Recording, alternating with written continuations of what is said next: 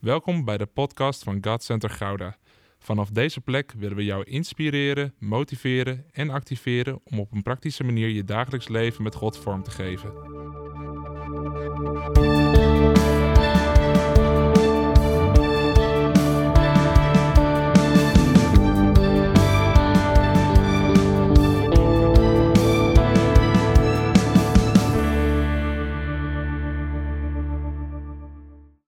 ...2021, een nieuw jaar. En ik dacht, het nieuwe jaar starten we gewoon met de Bijbel gelijk open. Dus ik wil je uitnodigen om te komen staan voor het woord van God. We gaan lezen in Genesis 50, vanaf vers 15. Je kan meelezen op het scherm of in je papieren Bijbel, want dan onthoud je het beter. Het is wetenschappelijk bewezen dat op het moment dat je niet naar een scherm kijkt, maar naar papier, dat je het beter kan opslaan. Dus pak vooral je papieren Bijbel erbij als je thuis zit. En anders lees je stiekem toch met het scherm mee. Maar we vallen hier in het verhaal van Jozef, of misschien wel het verhaal van de broers van Jozef. Nu hun vader er niet meer was, Jacob is overleden, zeiden Jozef zijn broers tegen elkaar: Als Jozef zich nu maar niet tegen ons keert en zich wreekt voor alle ellende die wij hem hebben aangedaan. Daarom lieten ze de volgende boodschap bij hem brengen. Voordat hij stierf, heeft je vader ons opgedragen je dit verzoek over te brengen. Vergeef je broers voor een schandelijke misdaad, Jozef. Ze hebben je in ellende gestort, maar wees nu zo goed om de dienaren van God, van de uh, God van je vader, die misdaad te vergeven. Bij het horen van deze woorden kon Jozef zijn tranen niet bedwingen. Daarna gingen zijn broers zelf naar hem toe. Ze vielen voor hem op hun knieën en ze zeiden: We zijn bereid je als slaaf te worden. Maar Jozef zei: Wees niet bang. Ik kan toch Gods plaats niet innemen? Jullie hadden kwaad tegen mij in de zin, maar God heeft het ten goede gekeerd. Hebben we daar net niet over gezongen? God heeft het ten goede gekeerd. Om te bewerken wat er nu gebeurt. Dat een groot volk in leven blijft. Wees dus niet bang. Je zal, ik zal zelf voor jullie en jullie kinderen zorgen. Zo troost hij hen en stelde hij hen gerust. Genesis 50. Je mag lekker gaan zitten. Dit is het verhaal van de broers van Jozef. Eigenlijk gaat het iedere keer, het eh, hele verhaal van Jozef, daar is hij de hoofdrolspeler in. Maar eigenlijk in dit stukje, in hoofdstuk 50, gaat even de zoom op de broers van Jozef. Want de broers van Jozef, die zijn bang. En misschien herken je dat wel, dat je op een gegeven moment opeens midden in een situatie zit en dat je denkt van, oh, het lijkt wel alsof ik terug word gezogen naar iets van vroeger. Het lijkt wel alsof vroeger om de deur komt kijken en weer terugkomt en dat ik nu nog met bepaalde gevolgen moet gaan dealen. En dat is hoe de broers van Jozef zich voelen op dit moment. Papa is gestorven, maar daarmee is hun veiligheid gestorven. Ze waren veilig, dachten ze, omdat hun vader er was, maar ze hadden hun vertrouwen in het verkeerde gelegd. Namelijk in de aanwezigheid van Jacob in plaats van in de woorden van Jozef. Want Jozef had ze al gesproken over het verleden. Ik wil je even meenemen naar Genesis 45, een paar hoofdstukken eerder, waar Jozef ook zijn broers ontmoet. Dit is 17 jaar hiervoor. Maar dat is nadat hij dus is verkocht als slaaf naar Egypte. Potifar heeft gediend, in de gevangenis is gekomen en uiteindelijk onder farao is geworden. En dan op een gegeven moment komen die broers komen bij hem. Want ze hebben een hongersnood, zoals het hele land en omstreken hongersnood heeft. En dan zegt hij, want hij weet dat het zijn broers zijn, zijn broers herkennen hem niet. Kom toch dichterbij, zei Jozef tegen hen. En hij zei, ik ben Jozef, jullie broer die jullie verkocht hebben. Maar wees niet bang en maak jezelf geen verwijten dat jullie mij verkocht hebben en dat ik hier terecht ben gekomen. Want God heeft mij voor jullie uitgestuurd om jullie leven te redden. Dit zijn de woorden van Jozef 17 jaar terug. 17 jaar terug zegt hij: Wees niet bang, maak jezelf geen verwijten, want het is God die mij voor jullie heeft uitgezonden. Jullie zijn Misschien dat jullie nu even bang zijn, want jullie denken, dit hebben wij gedaan. Maar ten diepste is het Gods wil geweest dat ik voor jullie werd uitgezonden. Dus wees nou niet bang. Maar de broers waren wel bang. 17 jaar lang zijn ze bang geweest. En dat komt eruit op het moment dat vader overlijdt. We hebben het vandaag over sluit het verleden af. En misschien is dat niet de titel die je verwacht aan het begin van een nieuw jaar, want dan moet je toch iets, iets hypends en iets motiverends voor het nieuwe jaar neerzetten. Maar ik geloof dat de grootste struggle om de zegen te ontvangen en het nieuwe te ontvangen zit hem in het vasthouden van het oude. Ik heb er, oudejaarsavond heb ik erover gesproken, het, het van oud naar nieuw gaan en hoe je het oude kan vasthouden en daardoor het nieuwe niet helemaal kan pakken. En ik geloof dat dat een profetische boodschap was voor, voor de kerk in Nederland. Voor het nieuwe jaar, voor 2021. En tegelijkertijd geloof ik dat we nog dieper moeten gaan in het verleden afsluiten. Sluit dat verleden nou af om te kunnen wandelen in vrijheid in 2021. We hebben het nodig om krachtig het verleden af te sluiten, die deur helemaal dicht te doen, om door te kunnen gaan en niet te blijven hangen. Want deze broers, die hebben dus 17 jaar eerder zijn ze vrijgesproken door Jozef. Wees niet bang. Maak jezelf geen verwijten. Als ze iets konden doen uit menselijk oogpunt, was het zichzelf verwijten dat ze zo stom waren geweest dat ze hun broer hadden verkocht. Nadat ze hem eigenlijk wilden vermoorden. Het was nog de betere optie. Ze wilden hem vermoorden. Maar maak jezelf nog geen verwijten. En hun vader overlijdt. En in één klap spreken hun daden van jaren geleden sterker als de stem van Jozef die ze had vrijgesproken. En is dit niet herkenbaar in ons leven? Dat soms als we iets doen of als we weer op een punt komen of er gebeurt iets, dat in één keer, bam, de daden van die wij hebben gedaan ons keihard aanklagen. En veel sterker spreken als de woorden die Jezus over ons heeft uitgesproken. Want Jezus zei, het is volbracht. Jezus zei, je bent vrijgekocht, je bent gerechtvaardigd. Nou, hoe vaak is het niet zo dat we die genade wel ontvangen en we gaan leven op een plek van genade, maar we eigenen die genade niet toe.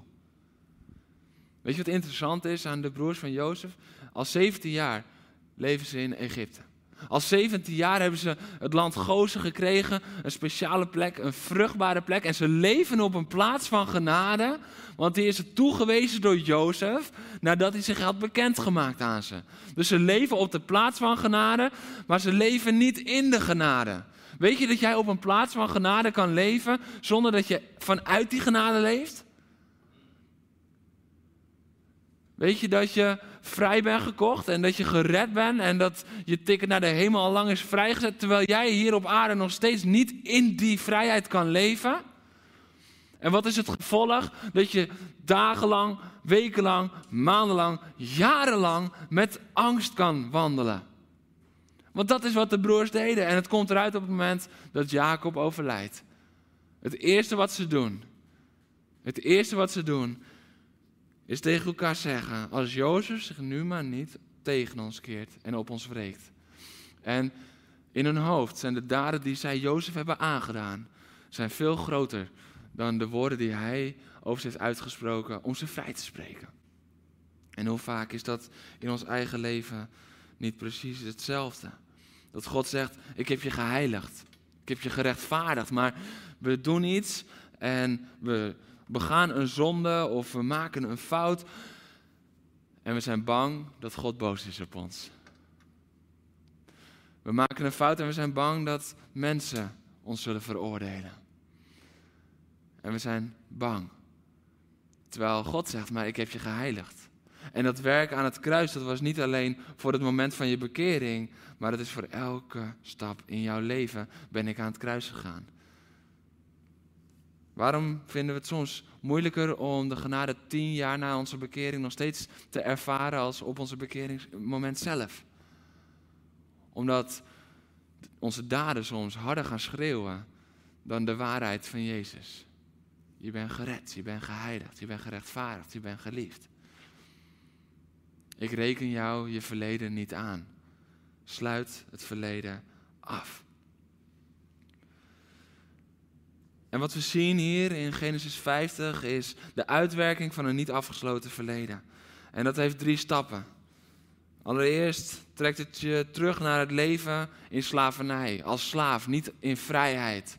Dat is wat er gebeurt. En vervolgens zie je dat angst om de hoek komt kijken. En daarna zie je dat de broers terugvallen in oude patronen. Dus het heeft drie gevolgen die op elkaar volgen. En het eerste is, ze zijn vrij, maar ze leven nog als slaaf. Dus je moet je even indenken, je begraaft je vader. En bij wijze van spreken nog, tijdens de koffie en de cake, zie je je broers al bij elkaar komen. Zie je af en toe angstig naar je kijken. En, en je ziet ze overleggen, je ziet ze smoesen. En een tijdje later komt er een boodschap van ja, je vader heeft nog tegen ons gezegd. En ze vallen aan zijn voeten neer, we zijn bereid je slaaf te worden. Ze hebben niks begrepen van de vrijspraak die Jozef ze had gegeven. Ze hebben niks begrepen dat het verleden al was afgesloten. Dat Jozef zei: Maak je geen verwijt, het was God die mij voor je uitzond. Wees niet bang. Dat waren de woorden van waarheid, maar de daden die ze hadden begaan, die spraken harder. En ze leven in vrije omstandigheden, maar van binnen zijn ze nog gebonden door het verleden. Want ze leeft in vrije omstandigheden. Ze waren helemaal geen slaaf. Anders kunnen ze ook niet voor zijn voeten neervallen. We zijn bereid om je slaaf te worden. Dat kan een slaaf niet zeggen. Dat kan je alleen zeggen als je helemaal vrij bent. Ze waren helemaal vrij. Ze leefden in vrijheid, maar van binnen was er een grote gebondenheid. En ik ervaar zo dat, dat er in zoveel harten van christenen nog die gebondenheid is. Je leeft in vrijheid. Er is voor jou betaald. Jezus heeft het werk voor jou gedaan. Hij heeft de strijd gestreden. Hij heeft de strijd overwonnen voor jou. Hij heeft de overwinning binnengehaald. En dat zijn de woorden van waarheid, maar van binnen is er nog steeds die onzekerheid en die gebondenheid. Ze zijn vrijgesproken, maar ze hebben zichzelf in gebondenheid gehouden. Op de basisschool heb ik een moeilijke tijd gehad en ben ik uh, gepest, vooral van groep 5 tot met groep 8. En uh, groep 8, dan ga je scholen ga je bezoeken van waar ga ik heen. En ik had tegen mijn ouders gezegd, ik zeg pap, mam, ik wil vooral naar een school waar niemand van deze school zit. Vooral de jongens van mijn klas.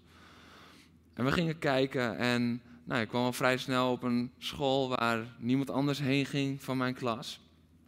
En ik ging daarheen. En vanaf dat moment ben ik nooit meer gepest. En hebben jongens zich nooit meer zo tegen mij gekeerd zoals het op de basisschool was gebeurd. Maar toch leefde ik nog niet in vrijheid. Ik leefde op een vrije plaats. Ik was vrij van het pesten. Ik was in een nieuwe situatie.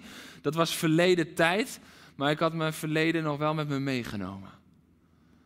Het gevolg was dat ik nog steeds van binnen werd vastgehouden daardoor. En dat ik nog steeds onzeker was. En dat ik nog steeds uh, ontzettend minderwaardig over mezelf dacht. En dat ik bang was dat vrienden me zouden laten vallen. Dat ik een masker op had op school. Dat ik me heel erg stoer voordeed. Dat zou je nu niet meer zo zeggen, maar ik ging me heel stoer gedragen toen. En ik had een masker op. Want ik dacht, als ze mij maar niet kunnen pakken, als ze mijn zwakte maar niet zien. En ik wierp me op als een beetje de leider van de vriendengroep. En ik maakte grappen ten koste van ander. Waarom? Omdat ik gewoon knijteronzeker was. Omdat er van binnen een verleden nog niet was afgesloten. Ik was op een nieuwe plaats. Ik was vrij daarvan. Ze konden niet meer bij me komen. Ik was op een veilige plaats. Ik had goede vrienden. En tegelijkertijd van binnen, omdat ik het verleden nog niet had afgesloten, was ik nog zo gebonden als het maar kon. Aan de gevolgen daarvan, omdat ik het niet had kunnen afsluiten. En dit is precies hetzelfde als waar de broers doorheen gaan. Ze leven op een vrije plaats. En misschien is het wel precies hetzelfde als waar jij doorheen gaat. Je leeft op een vrije plaats, je bent vrijgesproken, als het ware zoals Jozef dat was. Maar je kan nog niet in volle vrijheid leven. En misschien is dat wel richting mensen voor jou, maar misschien ook wel gewoon richting God. Want Jozef is het typebeeld van de Heer Jezus die vooruitgezonden werd, omdat we zelf de weg niet konden banen. Hij werd vooruitgezonden. Hij moest lijden voor ons, zoals Jezus leed voor ons. En je leeft op een vrije plek. Maar zelfs naar Jezus toe vind je het moeilijk om in vrijheid te blijven wandelen, in vrijheid te blijven leven. Want wat zal hij wel niet denken? Wat zal hij wel niet zeggen? Misschien komt het toch nog een keertje op mijn dak. Misschien is dat spreekwoord God straft onmiddellijk toch wel waar. Je wordt teruggezogen je verleden in. En je gaat weer leven als een slaaf. Terwijl je met vrijheid gekocht bent. Je stierf voor jou aan het kruis en daar was een switch. We zitten midden in de serie Switch. Maar jij kan niet switchen naar het nieuwe als je het verleden, als je het oude niet helemaal afsluit. En dat is de krachtigste start van een nieuw jaar die je kan hebben. Het verleden afsluiten. Jezus heeft het al afgesloten. Daar. Toen hij daar hing. Toen hij daar zijn lichaam gaf, zijn bloed gaf. En zei: Het is volbracht. Toen sloot hij het af. Toen sloot hij jouw verleden af. Het is volbracht.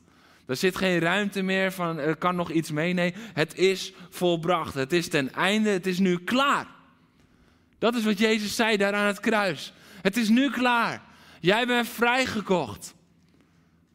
En je werd geplaatst op een plek van vrijheid.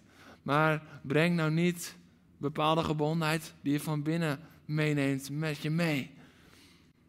De switch is al geweest, je bent al in vrijheid gebracht, maar vaak is er nog een switch in ons denken nodig om ook echt in die vrijheid te gaan leven. Want je kan dus in vrijheid leven zonder vanuit vrijheid te leven. En ik geloof dat 2021 een jaar is voor jou en voor mij. Om niet alleen in vrijheid te leven, maar ook vanuit vrijheid te gaan leven. Want dan word je daadwerkelijk vrij.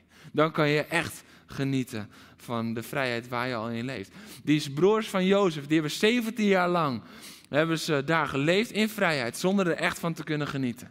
Als het eerste wat je doet na de begrafenis van je vader, bij elkaar komen is van jongens, we moeten een plan bedenken, want Jozef zal zich wel tegen ons gaan keren, dan heb je 17 jaar lang niet vanuit vrijheid kunnen leven. Want je hebt altijd gedacht, er zal een dag komen dat het payback time is. Er zal een dag komen dat er vergelding komt.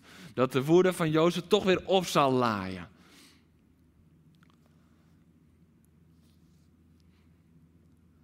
En hoe kijk jij daarin? Misschien wel naar Jezus. Ja, je gelooft dat er aan het kruis betaald is voor je zonde en dat je in de hemel komt, maar ooit komt er een dag dat je voor zijn troon komt te staan en hoe kijk je naar die dag? Ben je daar misschien bang voor? Zoals de broers bang waren voor Jozef ooit op die dag. Het is volbracht. Niets kan daar meer tussenkomen. Neem je verleden niet met je mee, want het leidt ook nog eens tot ongegronde angst. En ongegronde angst, dat werkt altijd uiteindelijk heel destructief in je leven en in je relaties. Als ik, heel hypothetisch, uh, iets doms heb gezegd tegen Peet, dat gebeurt natuurlijk zelden, maar soms heb je van die momenten. Of ik heb weer wat doms gedaan, of ik ben wat vergeten, gebeurt mij ook regelmatig. Dan ga ik mijn excuses maken bij haar. En dan zeg ik sorry. En dan vraag ik om vergeving. Als Peter aan mij dan heeft vergeven en ze zegt, schat, het is goed. Dan heb ik heel vaak heb ik toch nog de eerste uren na zo'n moment dat ik toch nog een beetje bezig ben om het een beetje extra goed te maken. Je bent er niet meer boos. Ik vraag het net even, net even een keer te vaak, weet je wel. Of ik vraag, joh, eh, gaat, het, gaat het goed met je? Kan ik nog iets voor je doen? Ehm, dat vraag ik normaal ook wel eens hoor. Zo, het gaat goed tussen ons. Maar, maar net even wat te vaak. En dat is niet eerlijk. Ik vraag of ze nog boos is. Ik vraag of het oké is tussen ons. Maar ten diepste is dat helemaal niet eerlijk wat ik doe. Want ik schat haar woorden niet op waarde. En dat is wat de broers ook niet deden. Ze schatten de woorden van Jozef schatten ze niet op waarde, want ze dachten van, maar wacht even, het zal nog wel terugkomen. En op het moment dat ik dat doe bij Petra, dan schat ik eigenlijk haar woorden ook niet op waarde. Want ze heeft gezegd, schat, het is goed. Schat, ik heb je excuses aanvaard. Schat, ik heb je vergeven. Maar als ik er dan op terug blijf komen, dan ben ik al vrijgezet, Maar er zit nog een ongegronde angst in mij dat er nog niet iets helemaal goed is. En die ongegronde angst, die zorgt er uiteindelijk voor dat je blijft handelen naar een eventueel oordeel, terwijl je bent vrijgesproken. En dat is wat de broers ook hebben. Jozef heeft gezegd in Genesis 45: Het is God geweest. Het is God geweest die mij voor jullie heeft uitgestuurd. En de broers die zeggen: Als die maar niet tegen ons keert. Dus Jozef heeft ze helemaal vrijgesproken. En het eerste wat zij denken in de nieuwe situatie, waar de veiligheid van vader ontbreekt, is: als hij maar niet tegen ons keert, als het maar niet fout gaat, misschien zal hij nu wel gaan wreken. Zal hij zich wel gaan verhalen op ons. Jozef, zijn woorden gaan naar de achtergrond en hun daden gaan weer naar de voorgrond. En er is een ongegronde angst. En die ongegronde angst zorgt ervoor dat ze gaan denken in strijd met het hart van Jozef. En dit is wat angst doet. Angst zorgt ervoor dat je heel irreëel gaat nadenken. Angst zorgt ervoor dat je gedachten een loopje met je gaan nemen. Angst zorgt ervoor dat je niet meer naar de feiten kijkt, maar dat je naar je eigen invulling gaat kijken. Angst zorgt voor onrust. Angst zorgt voor leugens. Angst zorgt ervoor dat je onrustig wordt en gaat nadenken over dingen die helemaal niet gaan gebeuren. Want waar zijn zij mee bezig? Zij zijn bezig met Jozef die zich gaat wreken op hun, terwijl Jozef daar helemaal niet mee bezig is. Jozef is nog in het verdriet van het verlies van zijn vader en zij zijn al bezig met de gevolgen voor zichzelf. Dit is wat angst met mensen doet. Dit is waarom we het verleden moeten afsluiten, om die angst ook de deur dicht te doen. Wij moeten de deur sluiten voor angst. Want angst brengt het slechte in de mens naar boven en is een slechte raadgever.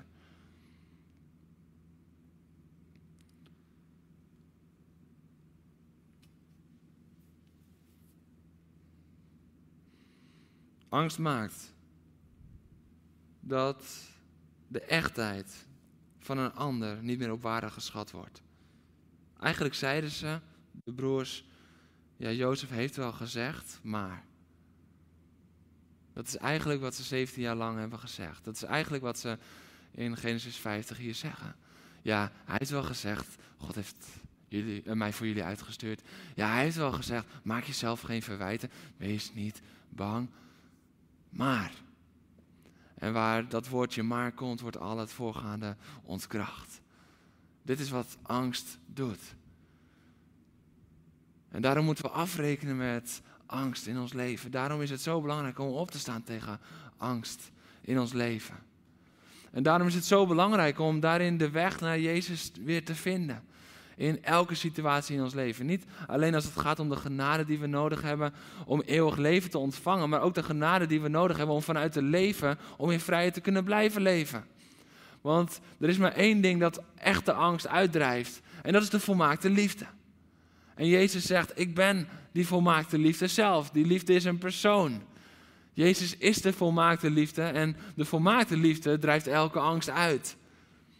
Maar dan moet je een ontmoeting hebben met die volmaakte liefde om de angst uit te kunnen drijven. Een ontmoeting met Jezus. En misschien denk je van ja, maar hoe weet ik dan of ik mijn verleden wel echt heb afgesloten. Of ik, of ik het wel heb kunnen afsluiten. Op het moment dat je merkt dat angst jouw drijfveer is in situaties. Op het moment dat je merkt dat angst bepaalt wat jij doet. Of dat je bang bent of dingen nog terugkomen. Dan is het nog niet helemaal afgesloten. Op het moment dat Jezus zei, het is volbracht. Heeft hij, sindsdien heeft hij nooit meer nagedacht. Wat nou als de zonde weer grip krijgt? Want hij wist, het is volbracht. Hier gaat een deur dicht. Hier gaat een deur waar de macht lag in de zonde, waar de duivel wapens had, gaat dicht. Het is volbracht. Op het moment dat angst nog weer de hoek om komt kijken, dan is vaak je verleden nog niet afgesloten. En angst is daarin het tegenovergestelde van liefde. Vaak denken we, moed staat tegenover angst. Je bent of een angsthaas of je bent moedig. Nee, liefde en angst staan tegenover elkaar. En om het heel praktisch te maken, als jij bent vrijgesproken, misschien door mensen van iets wat je hebt gedaan, je hebt vergeving gevraagd en ze hebben je vergeven, schrijf het op, zodat die woorden blijvend zijn. Misschien zijn het wel de dingen die, waar God je van heeft vrijgesproken, schrijf het op. Want angst blijft niet op zichzelf staan. Wat we zien in het leven van deze broers, is dat de angst werkt altijd hetzelfde uit in je leven. En dat is namelijk dat als je het verleden niet afsluit, ga je door angst weer handelen zoals je in het verleden deed. Want de broers waren leugenaars. Ze waren naar hun vader toegegaan. Ja, Jozef, hij is verscheurd. Hij is verscheurd door een wild dier. En hier, we hebben zijn mantel gevonden onder het bloed. Ze hadden gelogen tegen hun vader. En ze vallen weer in de leugen. Voordat hij stierf, heeft je vader ons opgedragen je dit verzoek over te brengen. Vergeef je broers voor een schandelijke misdaad, Jozef. Vergeef ze voor een schandelijke misdaad. Maar dit zijn niet de woorden van Jacob. Dit zijn woorden vanuit angst. En er komt weer manipulatie. Er komen weer leugens. En dat is wat er gebeurt als we ons verleden niet afsluiten. Dan zijn we niet klaar om in dat nieuwe echt te leven, omdat we het verleden nog met ons meedragen. En zolang we dat met ons meedragen, dan zullen we op bepaalde momenten zullen we weer gaan handelen naar het verleden, omdat de angst nog steeds realiteit is in ons leven. Zelfs na 17 jaar. Misschien denk je van ja, maar Jeroen, ik loop hier al 10 jaar mee. Kan ik dit nog wel afsluiten of moet ik hier gewoon mee leren leven? Misschien voel je aangeklaagd van ja, ik loop hier al 20 jaar mee. Ik had dit al lang klaar moeten hebben in mijn leven. Nee, deze broers, 17 jaar. Laat het je vrijspreken van die aanklacht. Vandaag is de dag om een nieuwe start te maken. Vandaag is de dag om een nieuwe start te maken door die deur naar het verleden dicht te doen. Ze gaan uit angst, gaan ze terug naar het handelen van toen. En dat is leugens. En de broers zijn daardoor niet in één keer slechte mannen weer, maar het zijn goede mannen die vanuit angst weer slechte keuzes maken. En ze laten die boodschap overbrengen. Papa zei dit net voordat hij stierf. Reken het ze niet aan. Wees zo goed om ze hun misdaad te vergeven. En ze vragen hier aan Jozef, door een leugen, om vergeving voor iets waar hij al 17 jaar eerder vergeving over had uitgesproken. Weet je dat op het moment dat je het verleden niet afsluit, dat je in cirkeltjes gaat leven? Op het moment dat je het verleden niet afsluit, ga je cirkeltjes lopen. En je denkt in vrijheid te leven, maar je bent op een plek van vrijheid, maar je leeft nog niet vanuit vrijheid. En je gaat cirkeltjes lopen, cirkeltjes lopen. En uiteindelijk kom je weer bij diegene, bij hetzelfde. En je gaat vergeving vragen waarvan je al 17 jaar bent vrijgesproken. Even heel cru gezegd, hebben ze 17 jaar weggegooid.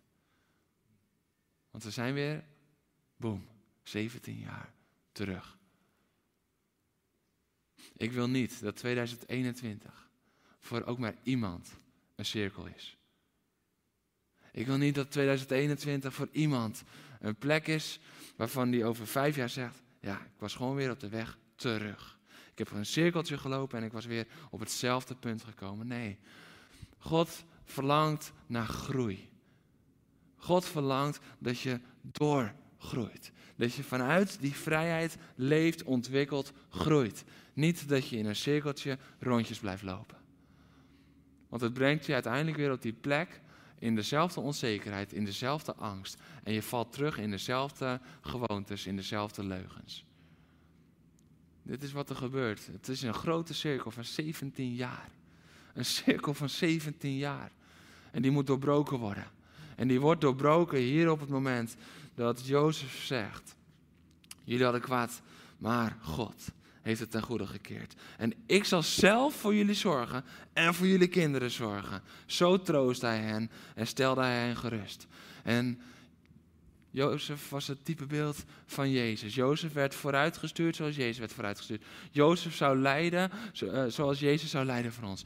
Is het dan ook niet Jezus die vandaag tegen jou zegt: Wees niet bang, ik zal zelf voor jullie zorgen en voor jullie kinderen zorgen. En zo troost hij ons.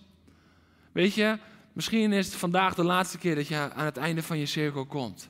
Ik bid dat het de laatste keer is. Ik geloof dat het de laatste keer is.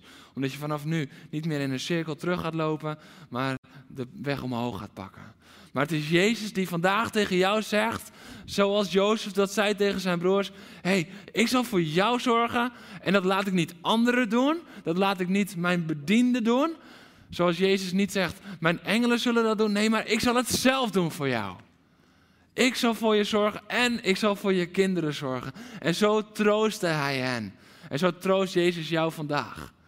Dit is de troost die hij geeft aan jou vandaag. Ik zal met jou zijn, want ik ben voor jou. En achter jou. En om jou. En ik laat jou niet alleen. Ze laten die boodschap overbrengen. En Jozef hoort het en bij het horen van die woorden kon Jozef zijn tranen niet bedwingen. Het heeft Jozef pijn. Want daar besefte hij dat 17 jaar lang zijn broers nog steeds in angst leefden, nog steeds niet vrij waren, nog steeds zijn vergeving niet hadden ontvangen. Jozef had ze al lang vergeving geschonken, maar hij komt er nu achter dat het nog nooit is ontvangen. En wanneer we ons verleden niet afsluiten, doen we daar uiteindelijk ook altijd andere pijn mee. Daarom is het zo belangrijk. Zolang ik mijn verleden van de basisschool niet had afgesloten, deed ik anderen daar pijn mee. Door grappen te maken ten koste van anderen, zodat ze mij niet konden pakken. Pas toen mijn wandel met God daar kwam, dat, dat hij me daar vrij van maakte en dat ik echt het verleden echt kon afsluiten, daar kwam de switch. Ik leefde al in een vrij gebied, maar daar ging ik leven vanuit vrijheid. Als we dat niet doen, dan belemmeren we onszelf, verwonden we anderen en schaden we relaties. Dat is het gevolg van de leugens. Dat is het gevolg van de angst. Sluit het verleden af.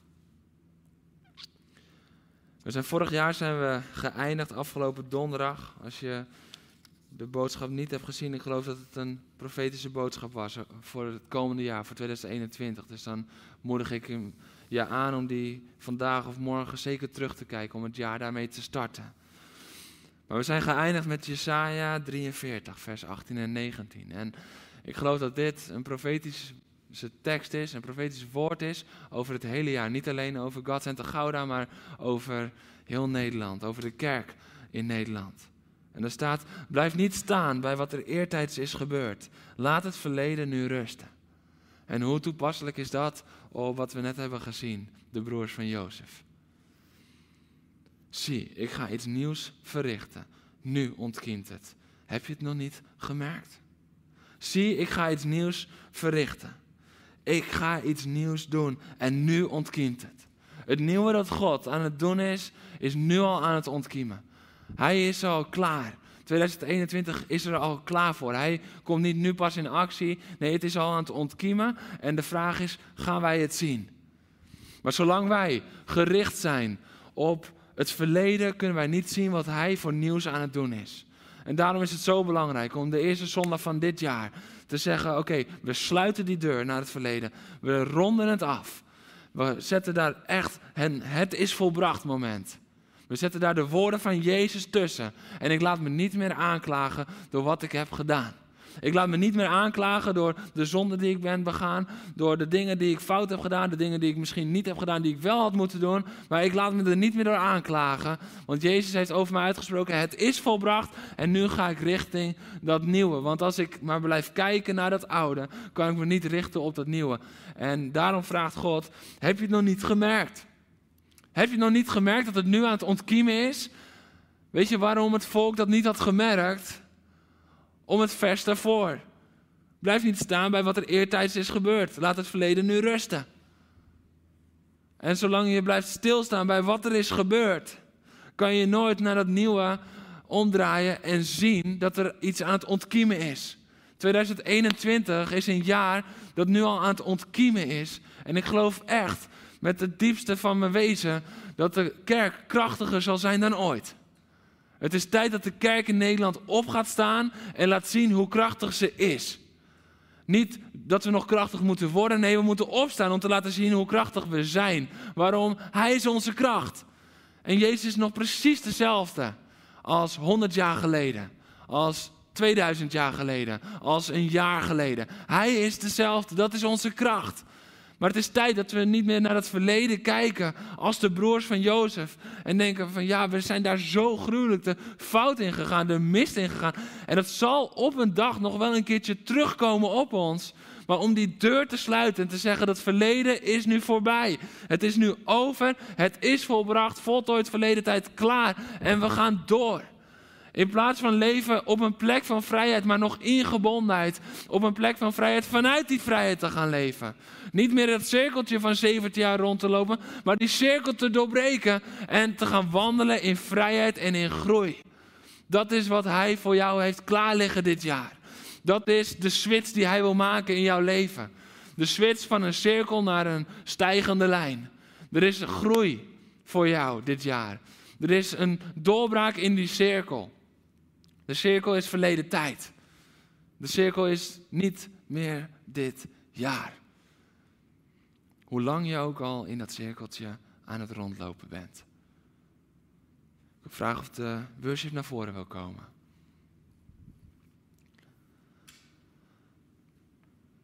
En ik wil jou uitdagen thuis. Om vandaag die cirkel te doorbreken. Vandaag een ontmoeting te hebben met Jezus. Zoals de broers een ontmoeting hadden met Jozef. En het mooie is, hij hoefde ze daar niet meer vrij te pleiten, want dat had hij al gedaan, 17 jaar daarvoor. Jezus hoeft jou vandaag niet meer vrij te pleiten, dat heeft hij 2000 jaar geleden al gedaan. Maar in die ontmoeting kom je er weer achter. In die ontmoeting troost hij jou. In die ontmoeting bevestigt hij wat hij al heeft gedaan in jouw leven, om dat verleden definitief af te sluiten om door die cirkel heen te breken. Want die cirkel is niet goed voor je. Die cirkel is niet goed voor jou, niet voor anderen, niet voor je relaties met anderen. Het is tijd om te doorbreken. Dat is de krachtigste start die we kunnen hebben van dit nieuwe jaar. De cirkel van het oude doorbreken, het oude achter ons laten en ons uitstrekken naar het nieuwe. Want het is al aan het ontkiemen. Het nieuwe is niet onderweg, het nieuwe is al gekomen. Maar we merken het nog niet op. We merken nog niet hoe krachtig we zijn als kerk. We, we, merken nog niet hoe krachtig we zijn als discipel van Jezus. Waarom? Omdat we nog steeds gericht zijn op dat verleden. En we breken er doorheen vandaag. Laten we bidden met elkaar. Ik wil je vragen, als jij ergens doorheen wil breken. Als jij een cirkel moet doorbreken in je leven. Ook als het in je woonkamer is, ga gewoon staan. Als je hier bent en je voelt, ik moet ergens doorheen breken voor het nieuwe van het komende jaar. Ga vooral staan en laten we dit bidden met elkaar.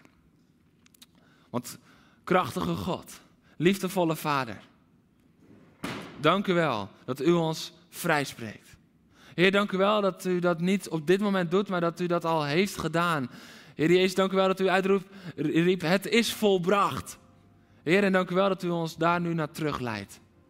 Heer, om ons verleden af te sluiten. Heer, om die deur dicht te doen. Niet daarop gericht te zijn, waardoor we het nieuwe dat u aan het doen bent en dat u nu al doet, dat we dat niet meer kunnen zien. Heer, maar u roept ons op voor dit jaar. Zie je het niet? Herken je het al? Heer, en we willen het herkennen, maar we hebben u nodig daarin. We hebben nodig om naar het nieuwe gericht te zijn, om dat te herkennen. En daarom breken we vandaag met het verleden. En Heer, ik bid zo over iedereen die is gaan staan. Heer, dat de cirkel doorbroken is op dit moment in de naam van Jezus. Heer, dat. Heer, dat het gericht zijn op het verleden doorbroken wordt. Heer, dat er een bekering, een omkering plaatsvindt op dit moment.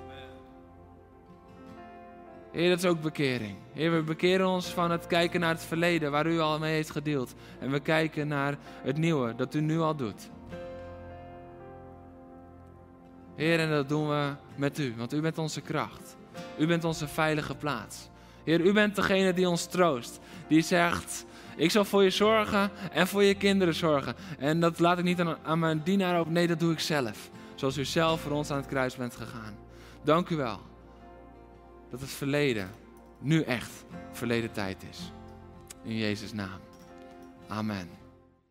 Bedankt voor het luisteren naar deze podcast. Volg ons op onze kanalen om verbonden te blijven. Heeft deze aflevering jou geraakt? Deel dan op je socials en tag ons, zodat we samen meer mensen kunnen bereiken.